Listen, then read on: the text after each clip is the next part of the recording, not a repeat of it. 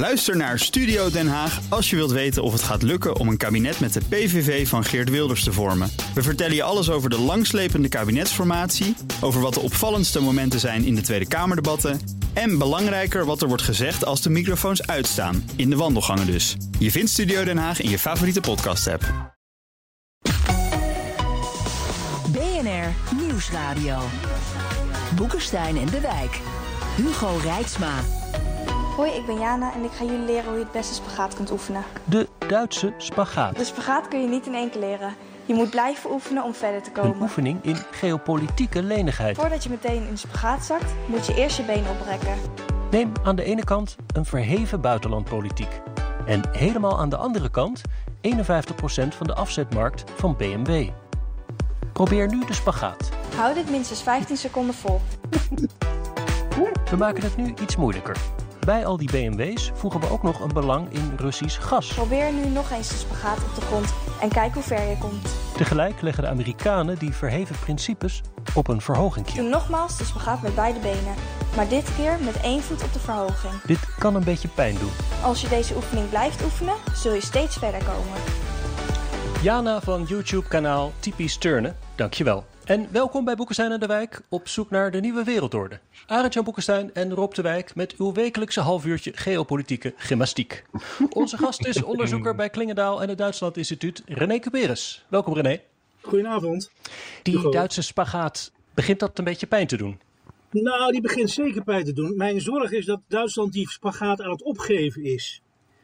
Eh, na de Brexit en na de periode Trump, na de Trump-era, lijkt het wel te zijn alsof Duitsland ophoudt met die spagaat, die wel wat pijnlijk is, maar die ze eigenlijk al heel lang volhouden na de oorlog. Hè, dat heet ook wel de Westbindung in de tijd van Adenauer. Men moet goede contacten houden met het Westen, met vooral Amerika en Engeland.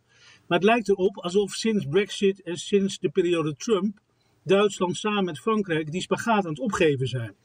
Eh, en het past helaas wel in het beeld van Boekenstein en de Wijk, Arend Jan en Rob. Die ken ik als mannen die een pleidooi houden voor een strategisch autonoom en geopolitiek Europa. En dan is dit, dit wat je krijgt. Dan is Ja, dit maar wat wat je krijgt. je Dan volgen we precies? de Duitse en de Franse agenda. Ja, maar wacht even. Wat, wat Is dat wat jullie nou? willen? Nee, wat is dat? Nou, dat weet ik niet. Dat hangt er vanaf. Je hebt nog niet uitgelegd namelijk wat dat betekent dat, eh, dat die Duitsers die spagaat het opgeven zijn. Wat betekent dat dan? Nou, wat je ziet, ik, ik kom net uit een bijeenkomst met Amerikanen over transatlantische verhoudingen. En als je ziet hoe die, de Foreign Policy Community in Washington, als je ziet hoe die reageren op dat begrip strategische autonomie van Frankrijk en Duitsland, hè, dat zien ze als een anti-transatlantische uitspraak. En ook het handelen van Duitsland en Frankrijk sinds de Brexit en Trump, zien zij als anti-transatlantisch. En dan gaat het met name over het Chinese investeringspact. Het akkoord, hè, wat net Ja. gesloten werd voordat de Biden-administratie aantrad. Ja. Het gaat over Nord Stream. Het Ja. gaat over eh, Macron die de NAVO hersendood verklaart. Dus er, er zit een soort eh, opgeven van de spagaat in. Ja, maar ik snap niet wat van het Duitsland en opgeven van die. René, ik snap niet wat het opgeven van die spagaat is. Eh, gaan ze dan een, een minder hoog vereven buitenlands beleid voeren? Gaan ze meer machtspolitiek doen? Wat gaan ze dan doen met het opgeven van die spagaat? Kijk, die strategische autonomieagenda, mijn, mijn vrees is dat die meer tegen Amerika gericht is dan tegen China en Poetin. Nee, is tegen dat- iedereen gericht. Hij, is, Ja. eh, hij gaat ervan uit, die strategische autonomieagenda, eh, dat Europa in de toekomst zijn eigen boontjes moet eh, gaan eh, doppen. Niet al te zeer kan steunen op de Verenigde Staten. En dat kunnen we ook inmiddels niet meer, want die hebben wel andere dingen aan hun, aan hun hoofd. En dat betekent dus dat er een vuist moet worden gemaakt ook in de richting van China en Rusland. En dat betekent dus feitelijk dat, eh, eh, dat de Europese Unie een, een, een veel zelfstandiger partner is geworden. Ja, dat de Amerikanen dat zie je dat in? uitleggen als een, eh, als een manier om de, het, het Atlantisch Bondgenootschap te ondermijnen. Ja, het zal wel, maar ze hebben er natuurlijk ook buitengewoon zootje van gemaakt. Maar dit is een project voor generaties. Hè? Ik bedoel, Europa, dat, dat is een andere zorg. Europa heeft helemaal geen strategische cultuur. Die past bij die strategische soevereiniteitsagenda die jij zo mooi schetst. Mm. Hè, Ik zie dat Europa op dit moment gepiepeld wordt door de grootmachten. Hè, Europa ik- wordt gepiepeld. Nee, maar Europa houdt vast aan Nord Stream, met name Duitsland. En in diezelfde week wordt Navalny vastgezet. Hè? Het is gewoon een affront tegen Duitsland.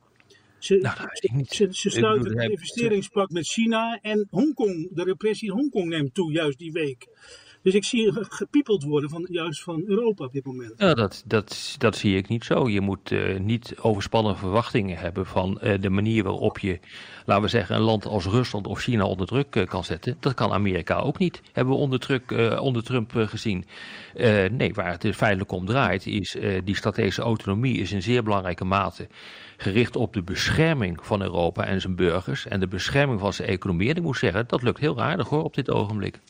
Arjan, mag ik jou even horen? Hoe, hoe zie jij dat Duitsland eh, in die spagaat zit met misschien het linkerbeen wat minder in Amerika, zoals even René dat voelt? Ja, om het even aan elkaar te verbinden. Van, eh, kijk, René, we komen uit een tijd met Trump, waar we natuurlijk allemaal bijzonder van onder de indruk zijn geweest. En als eh, Amerikanen nu beginnen te klagen over strategische autonomie, dan moeten ze toch nog even bedenken dat, wat de implicaties daar allemaal van waren van Trump. Ik bedoel, ik vind het heel erg logisch dat Europa in die richting werkt. Hè. Dat is mijn eerste opmerking.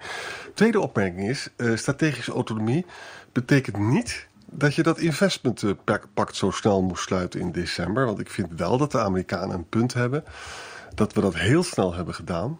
Eh, en dat eh, met die opmerking over de Oeigoeren, dat, die dan, dat de, de ILO-standaard dan wel weer zal worden eh, gerespecteerd. Ja, dat is natuurlijk allemaal niks. Hè?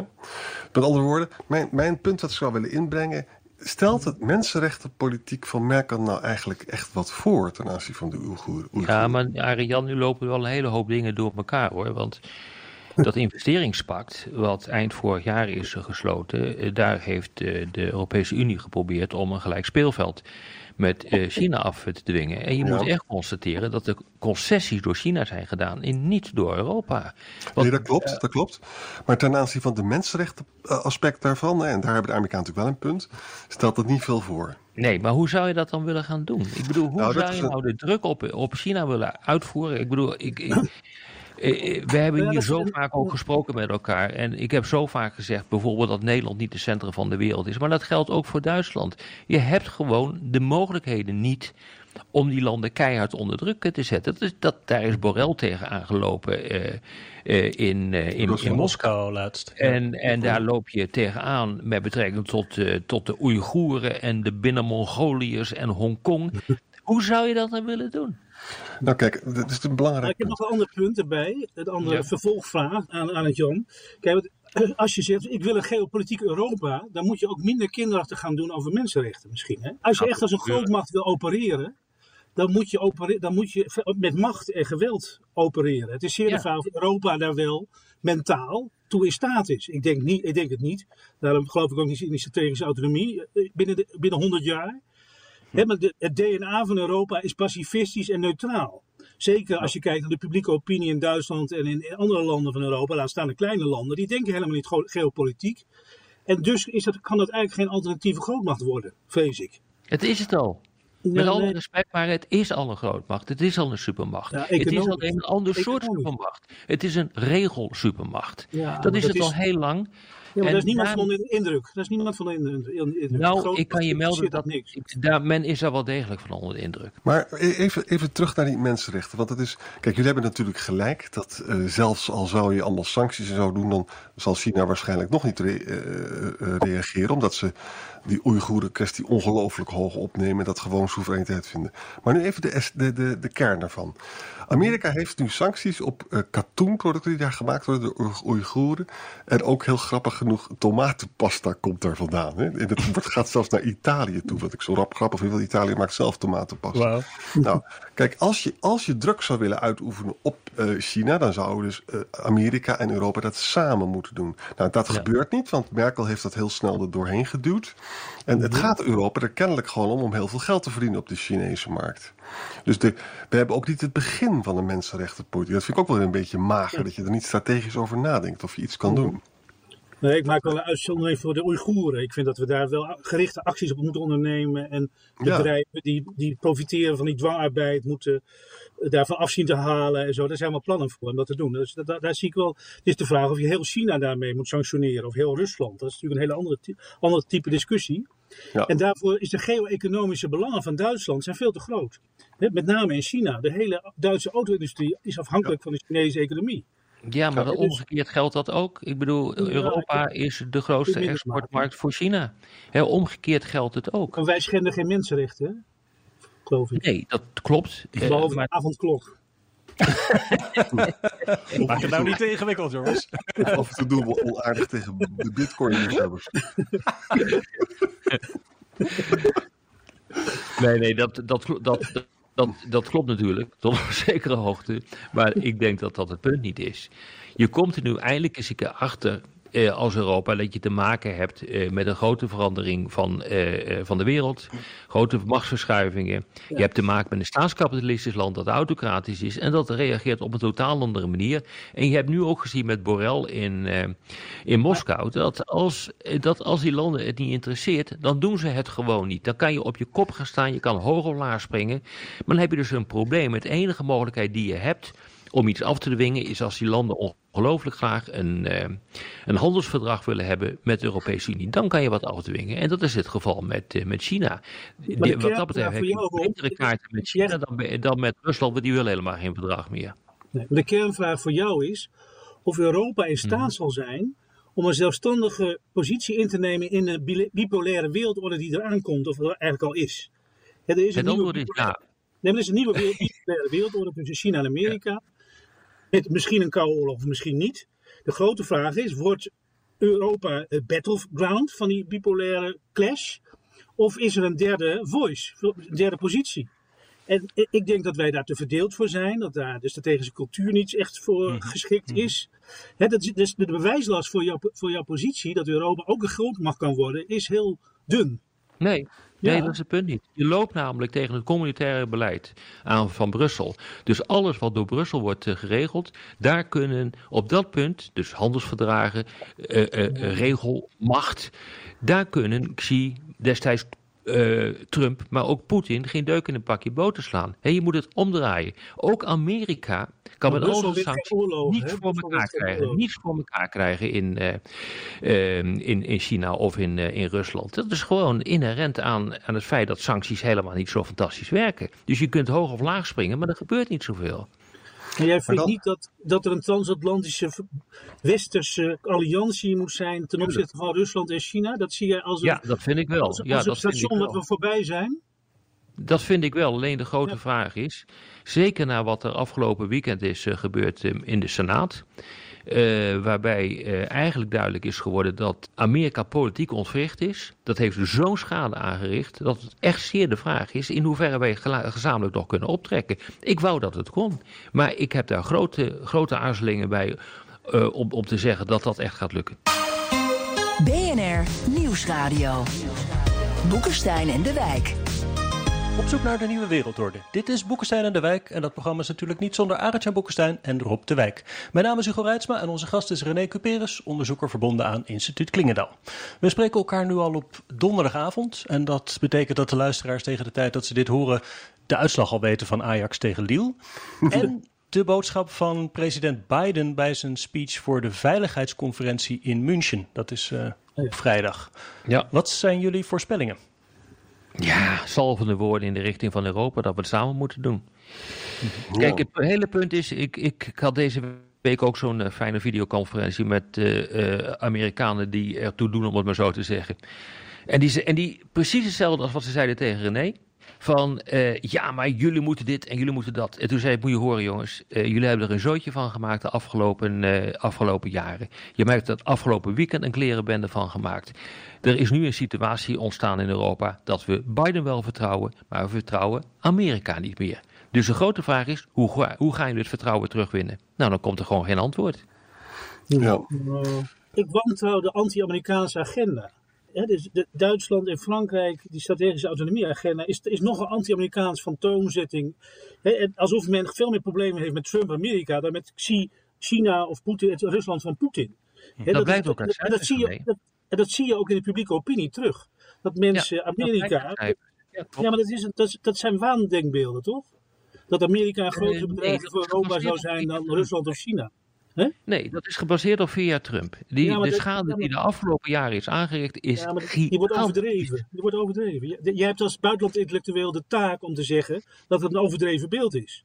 Nee, ik heb als buitenland intellectueel de taak. Nee, sorry hoor. Dat is echt essentieel fout wat je nu zegt. Ik heb als buitenland intellectueel, zoals jij hem eh, noemt, een analyse te maken. Om uit te Ja, zoeken hoe het in elkaar steekt. Opiniepeilingen te kijken. Om dan vervolgens daar een conclusie uit te trekken. Maar ik, ik ben niet van de school eh, dat ik eh, politiek moet gaan bedrijven. en eh, de hele discussie op een, andere, eh, eh, eh, op een andere lees moet gaan schoeien. Ik vind juist dat de politiek wordt bedreven met de Trump-erfenis. Dat dat zo, dat iedereen totaal in een anti-Amerikaanse houding is geschoten. Terwijl Amerika is veel meer dan Trump natuurlijk. En ook Nee, Amerika is, en niet meer Amerika is geen taal aan de wereldmacht als je kijkt naar de uitgaven van militaire eh, uitgaven en zo. Dat, Nee. dat zijn hele extreme beelden Nee, dat die worden geprojecteerd door Amerika. Amerika is Trump op dat moment. En dat heeft gewoon te maken met het feit dat, dat, dat het enige waar de president echt over gaat is over buitenlands beleid. En daar hebben wij mee te maken. Arjan, hoe kijk jij als eh, Atlanticus aan tegen die zienswijze dat Europa eigenlijk Amerika te veel afrekent op, eh, op wat Trump heeft gedaan? Nou ja, ik, ik moet zeggen dat ik het wel met Rob eens ben. Dat eh, er zijn zulke vreselijke dingen gebeurd onder Trump. Dat, je, dat het volstrekt logisch is dat Europa dan zelf gaat denken van... ja, we kunnen wel zeggen dat we helemaal niks kunnen. Maar we kunnen gewoon niet echt vertrouwen op de Amerikanen. Er komt nog iets anders bij. Het gaat helemaal niet zo goed met Amerika. Het gaat ook helemaal niet zo goed met de politiek in Amerika. Het is, het is broken. Hè? Het, het contract is broken. En dat betekent dus dat Europa meer zelf zal moeten doen. Wat ik een nog veel interessantere vraag vind, is dat de, waar Biden nu op aanstuurt, is een koude oorlog met China. Hè? Die, die beukt erop los. Dat brengt Merkel in een hele moeilijke positie, want die verdient ontzettend veel geld op China. Dus we zien, we zien dus eigenlijk een voortgang van de verwijdering tussen Europa en Amerika. En, en, en nou komt mijn derde punt, en daar wil ik graag jullie mening over weten. Kijk, we kijken allemaal naar Taiwan. We kijken allemaal naar Hongkong. En ik denk eerlijk gezegd niet dat wij in staat zijn in het Westen, dus Europa en Amerika samen, om dat te voorkomen. Ik denk dat, dat China behoorlijk op weg is om eh, dat gewoon allemaal weer terug eh, te pakken. Wat denken jullie daarvan? René? Ja, ik ben een jaartje geleden in, op Taiwan geweest. En, en dat, dezelfde angst die Jan nu uitspreekt, heerst natuurlijk daar. Eh, dat zie je vooral voor, voor het jaar 2049, hè, wat een soort heilig jaar voor China is, waarin, waarin 100 jaar Volksrepubliek bestaat. De experts verwachten dat op dat moment Taiwan weer bij China zal horen, als het aan China ligt. Ja. Het is de grote vraag of Amerika daar een oorlog voor over heeft. Hè? En, en Amerikaanse levens voor wil opofferen. Het is wel zo dat die Zuid-Chinese zee, ik sprak toen straks met een expert daarover, dat er heel veel militaire eh, actie wordt ondernomen door Amerika, maar ook steeds meer door Europa in de Zuid-Chinese zee om juist die agressie van China richting Taiwan en richting andere gebieden in de Zuid-Chinese zee te keren. Ik hoorde dat er een Engels, Engels schip binnenkort naartoe gaat met een Nederlands vergat erbij. Ja. Dat de Duitsers een vergat sturen, dat de Fransen een vergat sturen. Dus je ziet wel dat de, in plaats dat we eigenlijk die, dat deel van Azië eh, achter ons laten, dat er juist Europese bemoeienis komt met de Zuid-Chinese zee voor de eerste keer. En wel Tuurlijk. redelijk in tandem ook met Amerika. Ja, dus het idee daarmee- dat, we, dat we helemaal afgedreven zouden zijn van Amerika is gewoon geen, geen juist beeld. Zeker Nee, niet als je daarmee, daarmee kun je dus nog niet orde op zaken stellen in Hongkong, waar ze Exact. in belangrijke mate recht op hebben. Omdat ze ook hebben aangegeven in 1997 dat het contract met Hongkong voor 50 jaar. 50 jaar zou gelden. Ja. Eh, en je weet dus dat na 50 jaar dat, eh, dat eh, die stad weer helemaal in de moederschoot terugkomt en helemaal Chinees wordt. Eh, Mhm. Binnen Mongolië, dat zien ze als een binnenlands eh, probleem. Ja. Eh, Tibet zien ze als een binnenlands probleem. Xinjiang zien ze als een binnenlands probleem.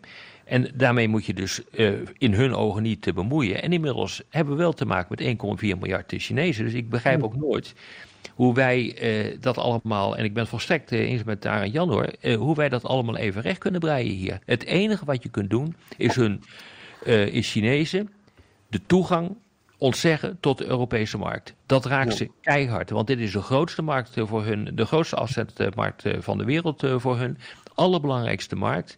Dus, en ja, dan kan je enige eisen stellen. Maar ja, die, de, de verwevenheid is zo groot dat dat ook weer bijna niet kan, omdat je jezelf daarbij in je vingers snijdt. Ja. Maar datzelfde geldt voor Rusland, voor Rusland ook. De Europese Unie is de grootste handelspartner voor, voor Rusland. Maar tegelijkertijd kun je heel weinig doen met sancties. Kunnen we nog eventjes specifiek kijken naar de positie van Duitsland? Want Ja. als Europa dan, zoals Rob en Arjan hopen, meer strategisch autonoom weet te zijn, zal Duitsland daar een belangrijke stem in hebben. En als die dus zo verbonden zijn aan de Russen en aan de Chinezen via de economie, zijn jullie ik vraag het vooral aan jullie, Rob en Uitjan, dan niet bang dat dat maakt dat Europa niet met één stem kan spreken? Die Duitse belangen dat in de weg staan? Nou ja, in ieder geval kan je dus vaststellen dat uh, Merkel zo verweven is met die Chinese markt dat ze niet goed kan, uh, daar druk op kan uiten. Want zoals Rob net terecht zegt, van ja, luister, ze willen onder alle omstandigheden gewoon die auto's blijven verkopen. Dus je kan heel moeilijk die Chinezen van, die, van onze eigen markt afhouden. Ze hebben daar veel investeringen te verdedigen. Hè? Dus eigenlijk, jongens, ik zie het zo van, wij zijn mensen die willen geld verdienen in de wereld. Dat doen we vooral. En daar willen we ook vooral mee doorgaan. Nou, dat betekent dus, we krijgen gewoon een verschuiving van de macht. China wordt veel machtiger. Die heeft ook een, een economic preponderance, een economische krachten. En daarmee gaan ze Hongkong en Taiwan via de economische weg gaan ze dat klaren. Ze hebben al gezegd over dat uitspraak van het internationaal gerechtshof dat ze dat gewoon naast zich neerleggen. Dus internationaal recht hebben ze al weggegooid, China. Dat praat over die Spratly-eilanden, weet je nog. Mhm. En wij gaan het schoon meemaken dat, dat China veel belangrijker wordt. En, dan, mhm. en, en, je ziet al hoe weinig geopolitiek en mondiaal wij Nederlanders denken. Want ik was op Taiwan. En Nederland is een van de grootste, zo niet de grootste investeerder in Taiwan. Ja. ASML heeft allemaal fabrieken daar staan, uh, net zoveel als in Brabant. IRG, ik heb, ben naar de hele zaken expert community van Nederland tegengekomen. Ja. En wij geven dat nu zo even op. China neemt dat over, Taiwan. Terwijl dat het voor ons eigenlijk economische veiligheidsissue nummer één is voor Nederland. Klopt, maar, maar, maar wij kijken er nogmaals... economisch naar en niet politiek. Ja, dat ben ik volstrekt met je eens. Maar tegelijkertijd kun je dat ook als Nederland niet doen, omdat we niet het centrum van de wereld zijn en we maar met z'n 17 miljoenen zijn. Daarom hebben we Amerika nodig. Nee. Dat moet je in EU-verband doen. Doe je dat niet, dan uh, loopt het uit de hand. Maar nog even over Duitsland. maar daarom hebben we daar Amerikaanse bescherming op Taiwan. Ja, maar nog een ambassade van 3000 man zit daar in Taipei. Ja, dat kan heel goed kloppen. Maar met 3000 man uh, heb je geen leger om maar uh, wat te noemen. Nee, maar even, uh, even terug naar, naar, naar Duitsland. Want dat is niet onbelangrijk. Ook de vraag die, Hu die Hugo stelde. Even goed realiseren dat handelspolitiek niet Duitse politiek is, maar dat is Europese politiek. Dat is het exclusieve recht handelsverdragen van, ja. van de Europese Unie, niet van Duitsland. Duitsland is heel anders over eh, China gaan nadenken. Eh, weet iemand nog wat de KUKA-affaire is? Nou, dat 2016, uh, toen werd uh, door, door Duitsland, of door China, werd er een, een bedrijf, een high-tech bedrijf gekocht dat robots fabriceerde. En dat is gekocht door China en die zou dat allemaal intact laten. Nou, dat is één grote puinhoop geworden. Dat is een enorme schok geweest voor de Duitse regering. Mhm. Toen hebben ze gedacht van ja, als het zo makkelijk is dat wij onze vitale technologie afstaan, dan is het niet best gesteld. Dus dat heeft een enorme mindset ook veranderd, of teweeggebracht in Duitsland. Waardoor ze nu veel meer nadenken over China en hun nationale veiligheid. Het is al aan het veranderen. Maar voordat je inderdaad, en daar heeft René natuurlijk helemaal gelijk in, die cultuur in Duitsland verandert. over we moeten handel drijven, want dan zijn we wel in staat om zo'n land te, te veranderen, zowel Rusland als China daar komen ze langzamerhand achter dat dat dus niet kan. Ja. En er is op dit ogenblik een enorme, hele interessante omwenteling gaande in het denken in, uh, in Duitsland. Ja, daar heb je helemaal gelijk in. Ze zijn ja, ja, geschrokken. En nu moeten ze dus gaan schaken. Maar dat betekent nog niet dat ze bereid zijn de auto-export op te geven. Heren, ik vond het een mooie discussie over de Duitse spagaat. Maar voor de radio moeten we echt afronden. In de podcast gaan we door met luisteraarsvragen. Luistert u op de radio, dan verwijs ik naar Apple Podcasts, Spotify of boekensteinendewijk.nl.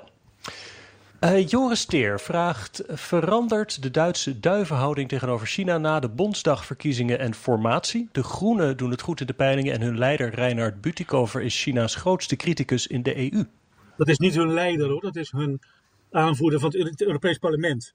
Oh, dat, dat stond er volgens mij ook, MVP. Ja. Het is geen topdog in de Groene Partij, maar dat klopt mhm. wel. Dat is de, grote China-expert. Ja. Nou, de Groenen zijn wat, zijn wat eh, ambivalent ook over die positie uh, van zowel Nord Stream als de Chinese invloeden. Ik, ik denk eigenlijk niet dat er heel veel gaat veranderen, omdat die economische belangen zo enorm overheersend zijn. Met maar Joris heeft wel gelijk dat de groenen natuurlijk kritischer zijn ten aanzien van... Ze zijn wel iets eh, kritisch. Ja, ja. maar dat maakt dan niet zoveel uit.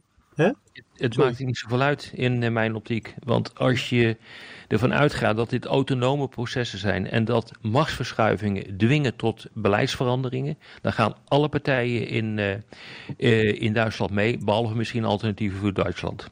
Ja, dat klopt. Ik denk het ook. Uh, Michiel Visser vraagt: Terwijl Duitsland kernenergie afbouwt, hoor je in andere landen de roep om kernenergie. Kunnen deze landen gaan samenwerken tot gezamenlijke innovatie en aanbesteding? En gaat Duitsland dan mee? Dan. Het antwoord is nee, want Duitsland heeft dat uh, kernenergie in de banden gedaan. Dus dat, gaat niet lukken. Tot, tot, schade van het eigen land overigens, maar dat uh, hebben ze gedaan. En, uh, zeker met een zwart-groene regering gaan ze dat niet doen. dat, nee. dat, zouden ze direct ongeloofwaardig zijn op dag 1 van een nieuwe coalitie. Heel Frankrijk gaat vol met kerncentrales. En de Fransen zijn erg gelukkig met die lage prijs voor stroom, maar de Duitsers die willen graag groen uh, zijn. De Frans-Duitse as uh, laat het hier een beetje afweten. Maar het is wel zo dat die Nord Stream pijpleiding, die natuurlijk geopolitiek heel controversieel is, die is een direct gevolg van de energiewende van Duitsland. Zeker, zeker. zeker. Mhm. Ja. Ze hebben dat gas nodig omdat ze nog kolen meer willen, nog kernenergie. En dan zie je ook de, de, geopolitieke gevolgen van energiepolitiek kunnen heel groot zijn. Dat zie je in dit geval. Ja, klopt. Bobby Jagernat uh, vraagt: De kwaliteit van de Duitse industrie is momenteel nog ongeëvenaard. Echter, de kwaliteit van de Chinese industrie zal op een gegeven moment dusdanig zijn dat China minder afhankelijk wordt van Duitsland. Ligt de toekomst voor Duitsland juist daarom niet in Europa en de VS? Nou, dat is een heel goed punt. Het voorbeeld is, wat nu, we gaan er heel veel te, hele mooie textielmachines gaan er van Duitsland naar de uh, Xinjiang, waar dus die Oeigoeren dan uh, kleding moeten maken. En, uh, maar wat zijn de Chinezen mee bezig? Ja, die gaan die machines natuurlijk weer kopiëren. Hè? En dat kan bij textielmachines kan dat wat gemakkelijk. Kijk, ASML heeft, dat is zo ongelooflijk ingewikkeld. Dat kan je niet zo gemakkelijk kopiëren. Overigens, als ze Taiwan straks te pakken hebben, dan hebben ze een ASML ja. uh, fabriek. niet, niet te hard zeggen, aan John. Ja. Moet je niet op ideeën brengen. Niet verklappen, dat soort dingen. Hè? Volgende vraag. Jacobus uh, zegt: Is het niet zo dat binnen de as Berlijn-Parijs de stilzwijgende afspraak is dat Parijs over het buitenlandbeleid gaat en Berlijn over de economie? Met andere woorden, ligt met deze Duitse houding uh, geen conflict met Parijs op de loer? Nee, want uh, uh, Frankrijk die staat er bijna hetzelfde in.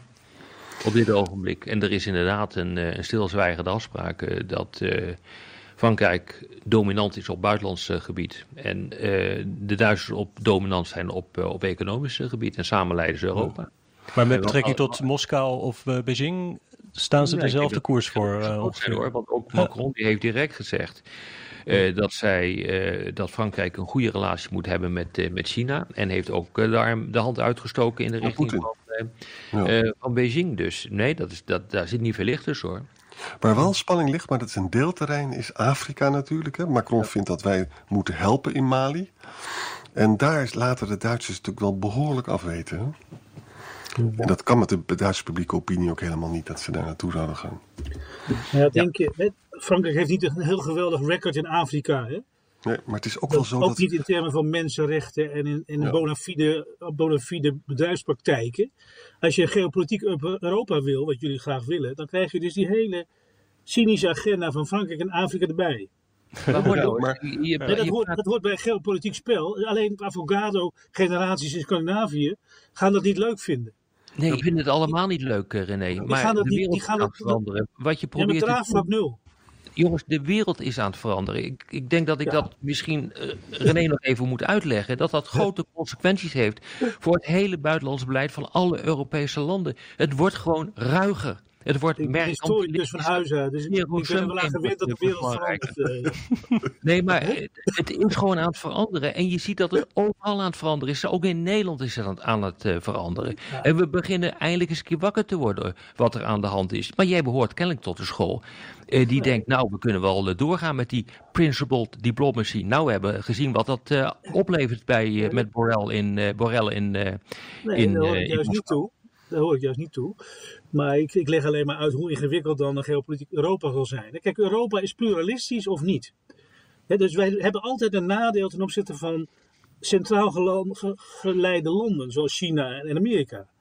Dus dat, pluralisme van, de, van Europa, de scheidslijn tussen Noord en Zuid, Oost en West. Ga daar maar een democratisch antwoord op vinden. Ook, Nee, maar ook nou de eens, geopolitieke wereld. Dat maakt Ik niet begrijp, uit. ik begrijp je. Maar moet je kijken, ook dat de grote niet is dat door Brussel wordt gemaakt. En, en dat is gewoon belangrijk. De- daar bepaalt Brussel, daar bepalen de landen niet. En, op, en dat bepaalt de machtsbasis van, eh, eh, van Europa. Niet dat, ge- dat gemierenneuk van al die landen en dat gerommel in de marge. Maar dat is de machtsbasis van Europa. En eigenlijk zeg je ook Rob van militaire dingen zijn minder belangrijk dan Ja, die economische. zijn veel minder belangrijk geworden. Ja, absoluut. Ja. Ja, je kunt met militaire macht, net zoals met sancties, kun je tegenwoordig steeds minder. En dat heeft gewoon te maken met het feit dat landen opkomen, dat er blokken aan het ontstaan zijn. En dat betekent dus ook dat je in Afrika steeds minder kan gaan doen. En ja, de, de, de Fransen hebben nu ook gezegd, we gaan onze troepen waarschijnlijk nu terugtrekken uit Afrika. Doe het zelf maar. Ja, ja. Eh, verschillende vragen van onder meer Wouter Dubois en Age Akkerman over de Nederlandse positie bij Nord Stream 2, omdat eh GasUnie daar ook in zit. Aangevraagd bijvoorbeeld, waarom is daar in Nederland eigenlijk zo weinig discussie over? Wat vinden PvdA en CDA bijvoorbeeld? Officieel is dus van, het gaat helemaal niet om politiek. Dit gaat alleen maar om eh, energie en handel. Dat houden ze stug vol. CDA en VVD steunen dat voluit. Maar het is natuurlijk wel degelijk is het politiek. Hè?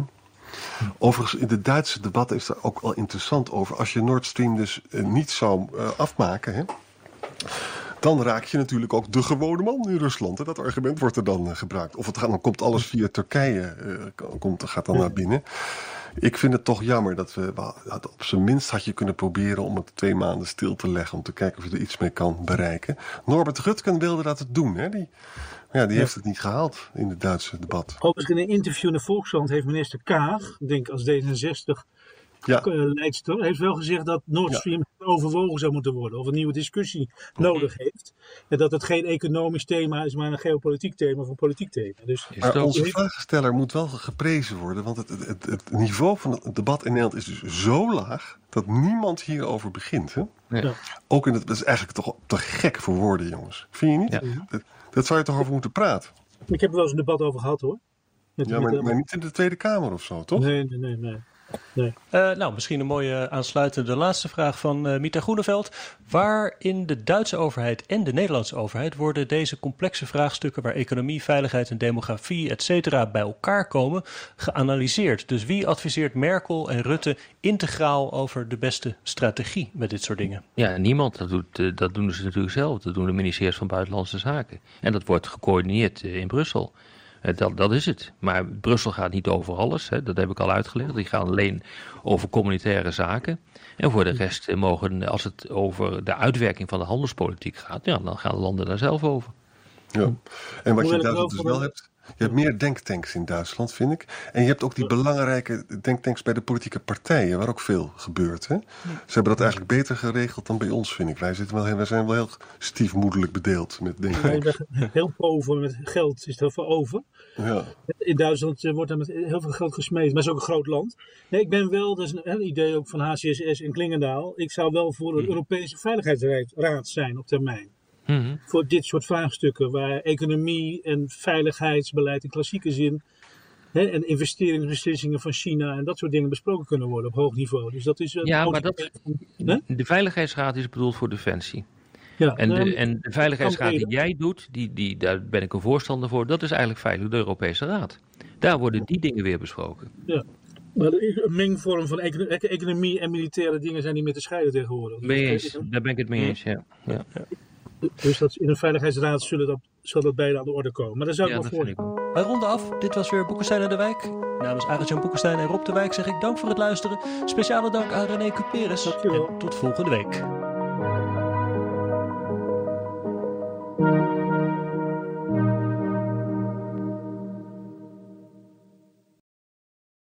Ook Harm Edens vind je in de BNR-app. Je kunt BNR Duurzaam niet alleen live luisteren in de app, maar ook terugluisteren als podcast, zoals al onze podcasts.